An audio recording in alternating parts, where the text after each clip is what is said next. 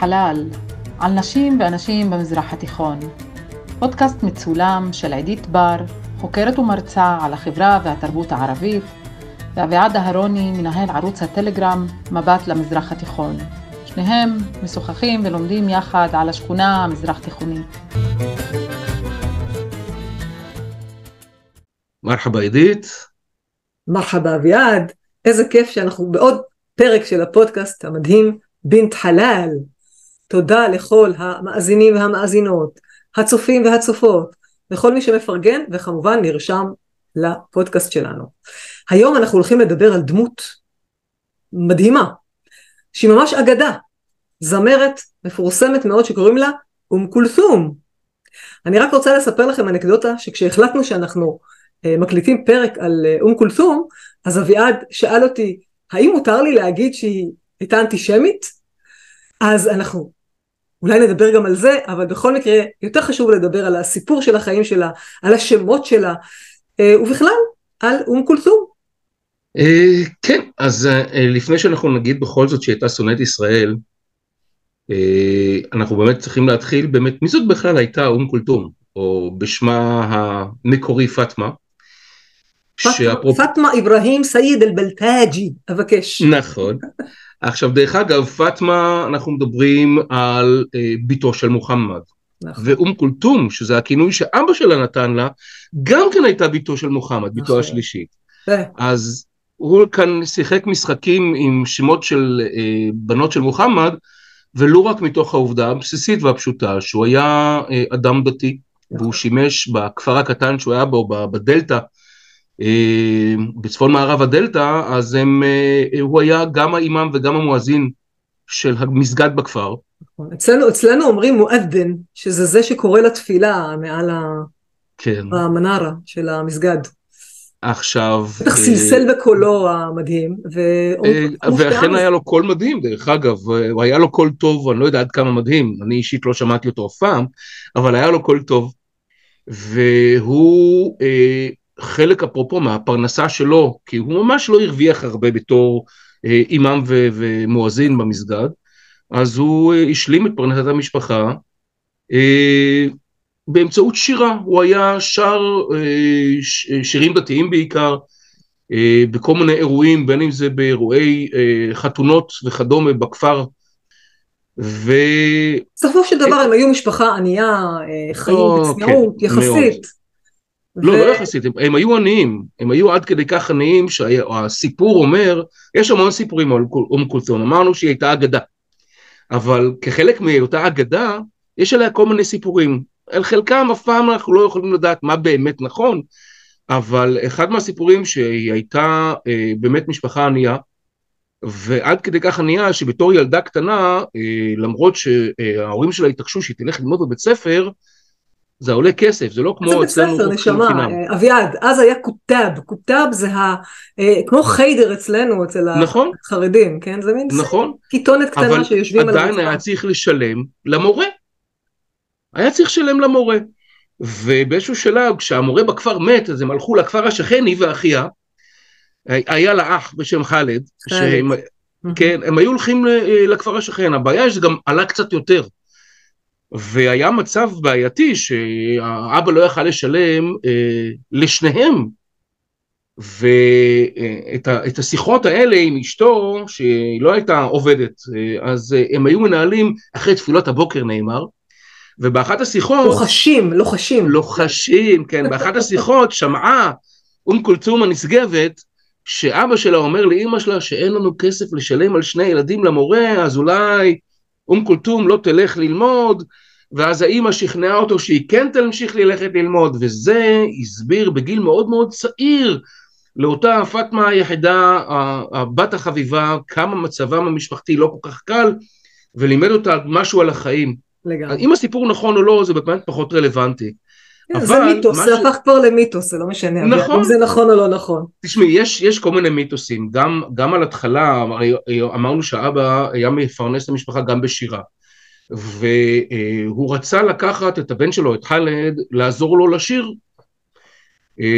ואז הוא התחיל ללמד אותו את השירים ואת המזמורים הדתיים, ופטמה הצעירה הייתה שומעת מהצד. נכון. מה שכן, האבא לא ידע שהיא לא גם רק למדה שומעת, את השירים שומעת בעל פה. ומפנימה, אביעד, שומעת. ומפנימה את השירים. ברור, ויום אחד הוא שומע אותה שהיא משחקת עם בובתה הקטנה, נכון. והיא שרה לה שירים, ושרה לה מזמורים דתיים, והוא כל כך התפעל מקולה הערב והחזק, מעוצמת קולה הצלול, ואז הוא החליט, אוקיי, אני, אני גם אלמד אותה ואני אקח אותה גם כן לשיר. כן. ולמעשה, ככה התחילה הקריירה המוזיקלית של אום כולסום הגדולה. לגמרי, לגמרי. אז בואו נספר קצת על הכינויים. הרי אמרנו שקוראים לה פאטמה, אבל היו לה אה, הרבה כינויים. אחד מהכינויים המוכרים ביותר, אני חושבת, זה קאוקה בשרק, שזה בעצם כוכב המזרח. כן, אה, קראו לה גם סיידת אל-ע'ינה אל-ערבי, כלומר כן. גברת השירה הערבית, אם תרצו לקרוא לה ככה, כן? או, או לפעמים גם פשוט היו קוראים לה סתם הגברת, אלסית. כן, סית, ידוע, ידוע כן. במצרים, האמת נכון. שהייתה כבר מפורסמת אה, לא רק במצרים, על זה נדבר אחר כך. כן. ואפרופו, אם את אמרת שהיא גברת השירה הערבית, אז היא גם הייתה פשוט גם נקראת בקיצור הליגה הערבית. וואו, אל-ג'אמעה אל-ערבייה. יפה, אה, יפה. כן. את זה לא הכרתי, תודה אביעד. יש עוד כמה כינויים, הרי אמרנו שיש לה הרבה כינויים, אז ניגע בקצרה בעוד כמה, כי היות והיא הייתה אייקון מצרי, אז היה לה גם כינויים שקשורים למצרים, בין אם זה הקול של מצרים, או גם אפילו הפירמידה הרביעית של מצרים. וואו. אז אה, זה, אבל מעבר לזה היה לה גם אה, אה, כינוי נוסף של אומן העם, שזה גם כן אה, פנה אל שעב, שזה גם כן אה, אחד מהכינויים שמכירים אותה במצרים. אז ראינו את הכינויים של אה, אום כולתום, וברשותכם לפעמים אנחנו נגלוש ונקרא לה אום כולתום, כי אין לנו כוח להגיד אום כולתום כל פעם. אה, במיוחד בתחילת, בתחילת הדרך, אה, אבא שלה, מספרים לפחות שוב, במה שהם מספרים, שאבא שלה הלביש אותה בבגדים של בן, והיה לוקח אותה איתו אה, לכל מיני טקסים דתיים ואחרים, ורק לאחר מכן היא חזרה בעצם להופיע כבת.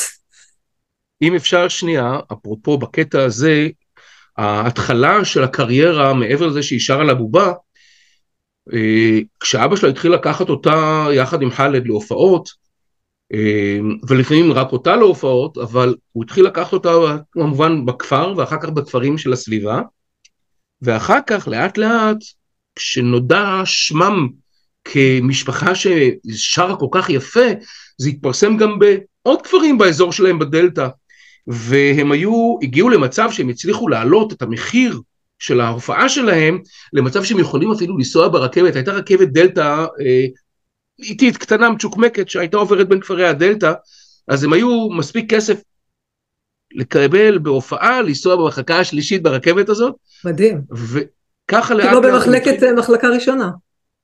בכלל לא, ואז הם הגיעו לאט לאט לעוד מאוד מקומות, כאשר התחילו להתפרסם יותר וגם לקבל יותר כסף, אז הם הגיעו לכפרים גם יותר מרוחקים בדלתא, ושמם מתפרסם בכלל בכל האזור. אממה, בחלק מההופעות, אני מזכיר שוב, אנחנו מדברים על משפחה דתייה, כמו רוב כפרי הדלתא, כמו רוב האנשים בדלתא, אנשים דתיים, ועוד הוא היה אימאם ומואזין בכפר, ואז נוצר מצב שבחלק מההופעות אנשים צרכו אלכוהול.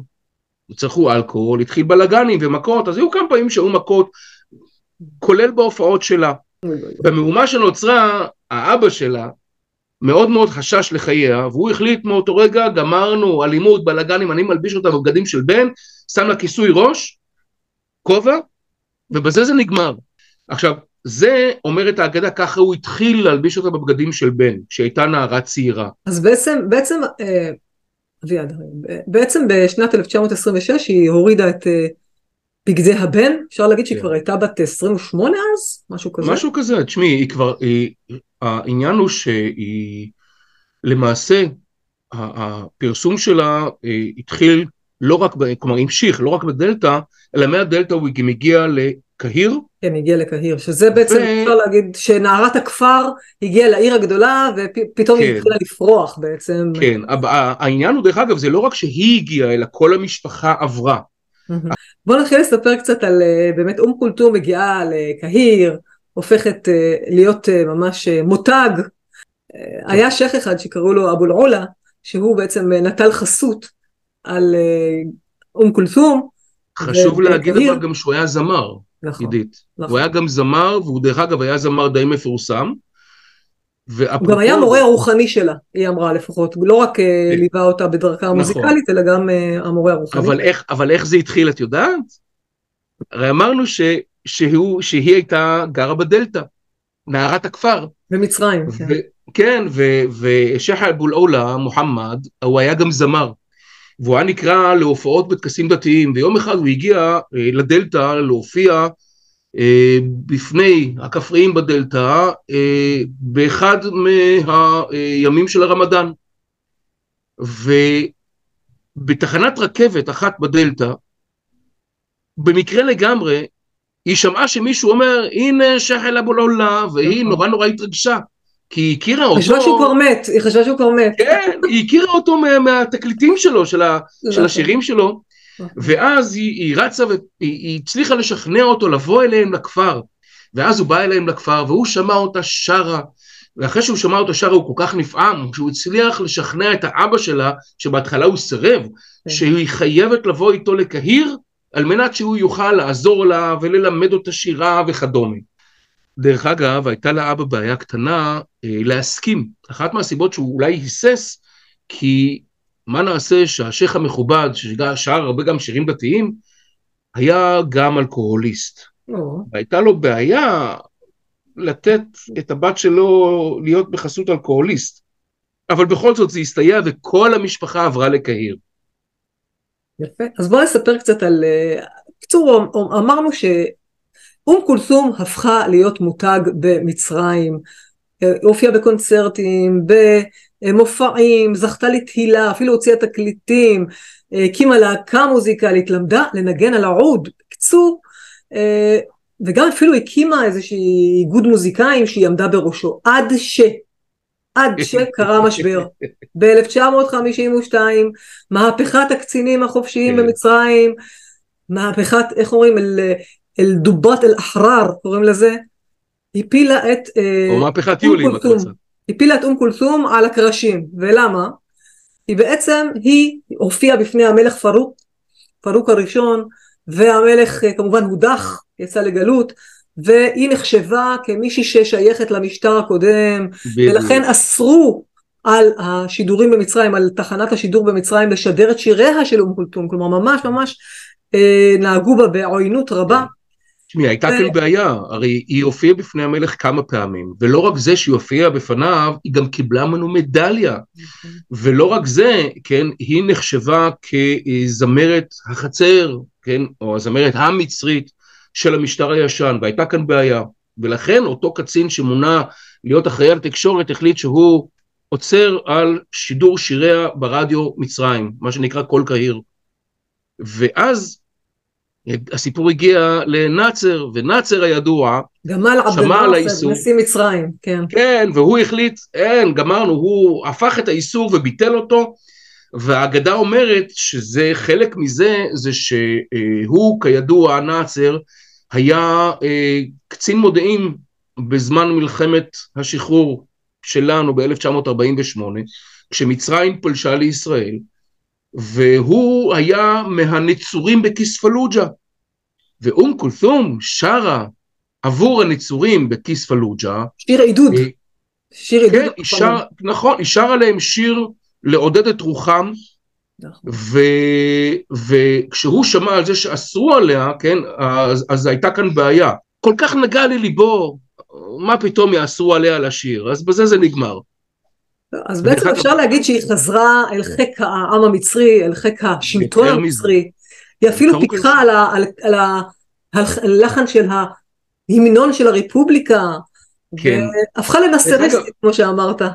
אוהבת של המשטר, וגם פחות אוהבת אפרופו של ישראל. על ההקלטה של ההמנון יש סיפור, ההקלטה נעשתה ב-1956 בזמן מבצע קדש והסיפור אומר שהיא אה, יחד עם התזמורת אה, היו אמורים להקליט את ההמנון באיזשהו אולם ואנשי התזמורת נורא פחדו שהישראלים יבואו ויפציצו אותם הפציצו, נכון. אז, אז היא בסוף הקליטה את זה בלעדיהם ואחרת ו, אבל הייתה הקלטה של ההמנון בזכות אום כולתום וואו איזה כיף אום כולתום. אז בקיצור, אה, אפשר להגיד שלא רק אהבו אותה רק במצרים, אה, גם בקזבלנקה וגם בברבד ובכל מיני מקומות בעולם בכל הערבי. האזור אומרים שאנשים היו פשוט איך אומרים, נעצרים ממש כשהיו שומעים את השירים של אום כולתום שהיו שירים כן. ארוכים מאוד ונוגעים נכון. ללב בפטריוטיות, גם באהבה ובש... וגם בשנאה. הקריירה הבינלאומית של אום כולתום התחילה עוד לפני שהיא התפרסמה מאוד מאוד. והפכה לאייקון קדוש, כן. ולפני שהפכה באמת לאייקון קדוש, עכשיו, אה, אני מזכיר לך שהיא גם הופיעה ב-1930 בארץ ישראל. נכון. אבל אז זה עוד היה בסדר, כי זה היה ארץ ישראל של המנדט הבריטי, ארץ ישראל, פלסטיין. זה לא היה ישראל הציונית. כן, זה לא הייתה מדינת ישראל. אז אמרנו שאחרי, אה, בעצם שנאסר אימץ אותה אל לבבו, והיא הפכה לסמל אה, תרבותי, פוליטי במצרים ובכלל, קורה אסון בעולם הערבי. 1967, אנחנו קוראים לזה מלחמת ששת הימים, הם קוראים לזה נקסה. נקסה זה כישלון, זה תבוסה, זה מפלה. אומרים שאום כולתום קיבלה את הבשורה על תבוסת אה, צבאות ערב מול ישראל ב-67 בצורה מאוד מאוד קשה, היא מיד אה, אספה את עצמה והלכה להופיע בכל מיני קונצרטים אה, ואת כל ההכנסות היא תרמה למאמץ המלחמתי. דרך אגב, אחרי 1967, אחרי התבוסה הערבית אה, והניצחון הישראלי, אז היא גם הלחינה, לא, לא הלחינה, אלא שרה שירים שנכתבו במיוחד נכון. נגד ישראל. אה, ואנחנו מדברים על, על שירים עם, עם שמות של אה, יש לי עכשיו רובה, בואו אה, קח אותי, קחו אותי לפלסטין, או את, ה, את השיר גם כן לא פחות מפורסם של חוזרים בכוח הנשק. אז אתה פחות מחבב אותה אביעד. תשמעי, היא הייתה ממש לא חובבת ציון ולא אוהבת ישראל, היא הייתה אנטי ישראליות אבל היו לה שירים מדהימים, בוא, בוא נתעלם מזה לרגע. הייתה זמרת טובה, היה לה קול נהדר, ידעה לשיר, ואכן היו לה גם שירים ארוכים, בין אם זה קצרים כמו אינטה עומרי של כמה, כחצי שעה, אבל היו לה גם בלדות של יותר משעה, שעה ורבע, גם כן יותר. היה לה שירים ארוכים, מתוך השלוש מאות שירים שלה היו שירים רגילים, קצרים, של חמש דקות קצרצרים, ושירים מאוד מאוד ארוכים. אבל בין השירים בהופעות שלה, שההופעות היו גם הופעות ארוכות, שיכולו להימשך ארבע וחמש שעות, הופעה אחת, אה, היא טיבלה חלק מההופעות שלה, בעיקר אחרי 1967, באמירות ארסיות נגד ישראל. אז... טוב, היום זה לא היה הולך, אה, שיר של אה, שעה וחצי, נראה לי היום אין לאנשים סבלנות, כן? היום אנשים כן, רוצים הכל כן. קצר קצר, אין להם כוח. נכון, נכון, תשמעי, בעיה, בעיה. את יודעת מה? ועדיין, למרות זאת שהיא הייתה שונאת ישראל מוצהרת, יש רחובות שקוראים, קראו להן על שמה פה בארץ בערים מעורבות כמו רמלה וחיפה וכדומה. אז בוא נדבר טיפה גם על זה שהיא הייתה חולה בסופו של דבר גם ב... אה, בכמה מחלות, היה לה בעיות עם הכליות, היה לה מחלה של בלוטת התריס, ולא אומרים שזה שהיא הייתה אה, חובשת אה, משקפיים שחורים, זה היה מכיוון שהעיניים שלה בלטו החוצה, והיא לא רצה שיראו את זה, אז היא שמה את המשקפיים, וכמובן היה לה גם את הסמל של המטפחת שהייתה מחזיקה ביד, וגם אה, לא רק הייתה זמרת, הייתה גם שחקנית. אבל אני רוצה בהקשר של זמרת, אה, בקטנה, ביד, לדבר בקטנה, על משהו שח... אחד. אומרים שהיא מוטריבה. עכשיו בערבית יש שתי מילים לזמרת. יש מוטריבה ויש מורניה. מה אה. ההבדל בין מוטריבה למורניה? מוטריב זה מהמילה טרב. טרב זה בן אדם שגורם להתרגשות מאוד מאוד גדולה, למין טלטלה רגשית למי ששומע שהוא ממש לא יכול לעצור את עצמו מרוב התרגשות, ומורניה זה זמרת רגילה, נחמדה. אז כמובן שמכיוון אה, שאום כולתום השירים שלה היו כל כך אה, מרטיטים את הלב, אז קוראים לה כמובן מוטריבה ולא... נכון, זה היה אחד הכינויים שהשתמשו בה אה, אותה. נכון. בוא נגיד שבריאותה, בריאותה הידרדרה, היא הפסיקה כן. קצת להופיע בקונצרטים מ-1971, לקטה בדלקת כליות, נסעה לטיפולים בחו"ל, והיא מאוד רצתה לשיר את שיר הניצחון של מלחמת אוקטובר שנקראת אצלנו מלחמת יום כיפור אצלם נקראת חרב אוקטובר אה, והיא לא, אומרים שהיא לא הספיקה לשיר את השיר הזה בסוף את שיר הניצחון בגלל מצבה הבריאותי ובשלושה בפברואר 1975 אה, בגיל 76 הולכת אום כולתום לעולמה אומרים שההלוויה שלה הייתה אחת ההלוויות הגדולות ביותר אה, שהיו עד אז בין שני, שניים לארבעה מיליון אנשים ליוו אותה, זה מראה כמה היא הייתה, כן. איך אומרים, כמה הדמות שלה הייתה מושרשת במצרים, כמה אהבו אותה, כמה העריצו אותה. היא הייתה אומן העם. אין מה לעשות. ממש. כן. אפילו במועצת העם הכריזו על דקה של אבל, כן. אה, במג'לס א-שעב. אבל אומרים שזה עיתון צרפתי, אני חייבת לספר שעיתון צרפתי השווה את מה שאום כולתום עשתה במצרים אה, לערבים בכלל, את מה שעשתה אה, אדית פיאף לצרפתים, אבל אנשים אומרים מצטערים, אבל אום כולתום היה לה מספר מעריצים אה, פי כמה וכמה מאדית פיאף, אז שלא תתלהב. טוב, תשמעי, דוברי ערבית אני חושב שיש יותר מאשר צרפתים באזור. לגמרי, כן. לגמרי, לגמרי. דרך אגב, אפרופו צרפת, אה, היא הייתה גם אה, בקשר עם דה גול, הוא גם כן די חיבב אותה משום מה. יכול להיות שהיא הייתה אישה מאוד נחמדה, רק כאילו אהבה יהודים. בעיקר לא ישראלים, כן, זה נורא הרגיז אותה שברוב חוצפתנו ניצחנו ושרדנו. אז אנשים שואלים, האם אום כולתום התחתנה? האם היא, אה, היה לה ילדים? אז קודם כל היא התחתנה עם הרופא שלה. ולא, לא היו לה ילדים בכלל, דוקטור אה, חסן סייד אה, חפנאווי, ב-54. דרך אגב, אפרופו להתחתן עם רופא, אני רק רוצה להזכיר שה, שהבן של אבו אל-עולה, שקראו לו ג'לאל, ג'לאל א-דין, גם הוא היה רופא וגם הוא רצה להתחתן איתה עוד לפני שהיא פגשה את אה, בעלה לעתיד, בשלב הרבה יותר מוקדם. למה לא התחתנה עם אה, ג'לאל? אה, תשמעי, אבא שלו לא הסכים. אבא שלו לא הסכים, אולי בגלל שהאבא שלו היה גם ידוע כאלכוהוליסט, אולי זה השפיע. טוב, אנחנו רק נזכיר שיר אחד שאני מאוד אוהבת אישית, אה, של אום כולתום, מכל השירים, יש לה המון שירים יפים, והשיר הוא אינטה עומרי. יש לה מעל 300 שירים, כן.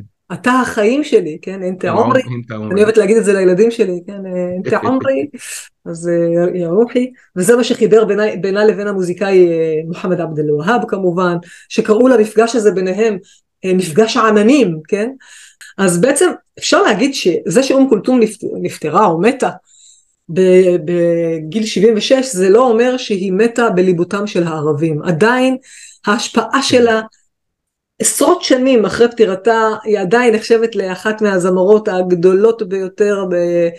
בכל הזמנים, כן, ההשפעה שלה על המוזיקה ועל התרבות ניכרות עד היום. אז אום כולתום באמת מיתוס, ובואו נראה כמה קריקטורות שאביעד ואני בחרנו לכם, כדי שנראה גם איך מציירים אותה בקריקטורות. ואל דאגה, מי ששומע אותנו, אנחנו נתאר לכם את הקריקטורות, כן. אז נתחיל בקריקטורה הראשונה שאני רק אקרא בערבית ואביעד יספר לכם מהי הקריקטורה הזאת. אז כתוב, רואים את אה, אום כולתום כמו פירמידה, מחזיקה ביד אה, מטפחת, וכתוב למעלה מג'לה אמריקיה, כלומר איזשהו מגזין אמריקאי, תדע אום כולתום פי קאימת אעדם מיתן מוגני ומוגניה עבר תאריך, כלומר אמרנו מגזין כן, אמריקאי, כן. אה, שם את אום כולתום ברשימה של ה-200 הזמרים והזמרות הכי גדולים כן. אה, בהיסטוריה. אז אביעד רוצה מדובר, לספר לכם על הקריקטורה הזאת קצת. מדובר במקרה הזה במגזין הרולינגסטון, שהכניס אותה למקום ה-61 מתוך רשימת ה-200 הזמרים הגדולים. וואו. שזה כבוד מאוד מאוד מאוד רציני בקטע הזה. ולגבי מה שאנחנו רואים בפירמידה, אז אנחנו רואים אותה בשמלה שהיא מדמה פירמידה, שהיא מעל פירמידה, הפירמידה הגדולה המפורסמת בגיזה, וזה מתקשר לאחד הכינויים שלה שהיא כונתה הפירמידה הרביעית של מצרים. ממש ראשה בעננים, אה אביעד? כן, נו מה, רואים, רואים זמרת שהיא... גדולה, גדולה מהפירמידות גם.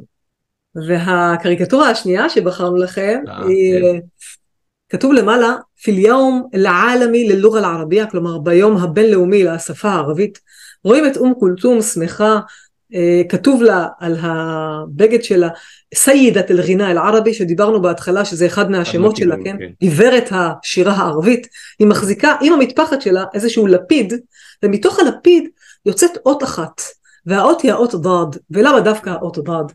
מכיוון שהשפה הערבית נקראת לוחת הדד, שפת הדד, כי האות דד אין אותה בשום שפה אחרת, היא רק בערבית. אז הערבים כל כך גאים בזה שלוחת הדד, השפה הערבית, ואום כולתום כמובן תרמה מאוד לשפה הערבית, ולכן מזכירים אותה ביום השפה הערבית, ובתוך האות דד הגדולה הזאת, אה, שהיא בעצם כמו האש של הלפיד, מופיעים כמה משיריה, חלק משמות השירים, של, כן. שמות שיריה של אה, אום כולתום, וואו, זה היה חזק. אז בעצם אה, אביעד, אני חושבת שאנחנו אה, די מיצינו את אישיותה המדהימה של אום כולתום האגדית, למעשה באישיות שלה לא נגענו בכלל, ויש הרבה סיפורים על האישיות שלה, אבל כדי שלא נסתכסך עם המצרים עדיף לא לגעת בהם עכשיו. לא, לא, לא. אנחנו תמיד מסיימים בפתגם, והיום דווקא בחרנו אמרה, יותר נכון, של איזשהו שחקן מצרי שאמר על אום כולתום, אבל הוא אמר את זה בחרוזים, אז בואו נחשיב את זה כאילו זה פתגם, וזה פיקרי אבאדה שאומר על כך, אומר כך על אום כולתום. תקשיבו טוב. אום כולתום תוחפת אל-עסר ומועג'זת אל-דהר. איזה יופי של חרוז. אז אומר אום כולתום היא בעצם יצירת המופת של הזמן, של העידן והנס של הזמן. אז יצא לנו חרוז גם בעברית. כן. הוא ממשיך ואומר قد تمر قرون وأجيال فلا تلد القرون والأجيال مثل هذا الكمال ولا مثل هذا السحر الحلال אז קודם כל הוא עשה פה חרוז מאוד יפה והוא גם משתמש במילה חלל אהבתי את זה כי זה בנט חלל אבל הוא אמר בעצם יחלפו מאות של דורות ושנים ולא ייוולד כזה דבר מושלם ולא כזה קסם או מעשה קסמים כמו אום כולתום כי אום כולתום מכשפת את כולם בקסם שלה וואו אני חושבת שאין אה, דבר יותר חזק מזה לסיים את הפרק הזה על אום כולתום. נכון, עכשיו רק דבר אחד קטן, דיברת על זה שהוא היה שחקן שאמר את שבחיה, והזכרת קודם שהיא גם נגעה בקריירה של שחקנית, אני רק אזכיר שקריירת המשחק שלה בתור אה, שחקנית קולנוע הייתה קצרצרה נכון. ונטולת המשך, כי היא הבינה מאוד מאוד מהר שבין מה שיש לה באולמות הקונצרטים מול הקהל, לבין להיות שחקנית אחת על סט, אה, ואחר כך זה לא בחי מול הקהל באולם, אה, התגובות לא ממש היו אוהדות במיוחד באולמות הקולנוע. רק שישה סרטים היו רק שישה סרטים. טוב, כן. זה מזכיר לי את עצמי שאני אוהבת תמיד להיות מול הקהל, זה באמת יותר כיף אה, להיות עם קהל מול ה... מולך מאשר מול מסך. אז... אז זה הזמן? זה הזמן להגיד שלא? זה הזמן להיפרד מכם ולהגיד לכם תודה רבה שאתם כל פעם שומעים ומקשיבים לנו מחדש וגם צופים בנו ביוטיוב. ובינתיים, אילה לך, להתראות. תודה לכם. ותודה לך עידית להתראות. תודה לך אביעד, ביי ביי.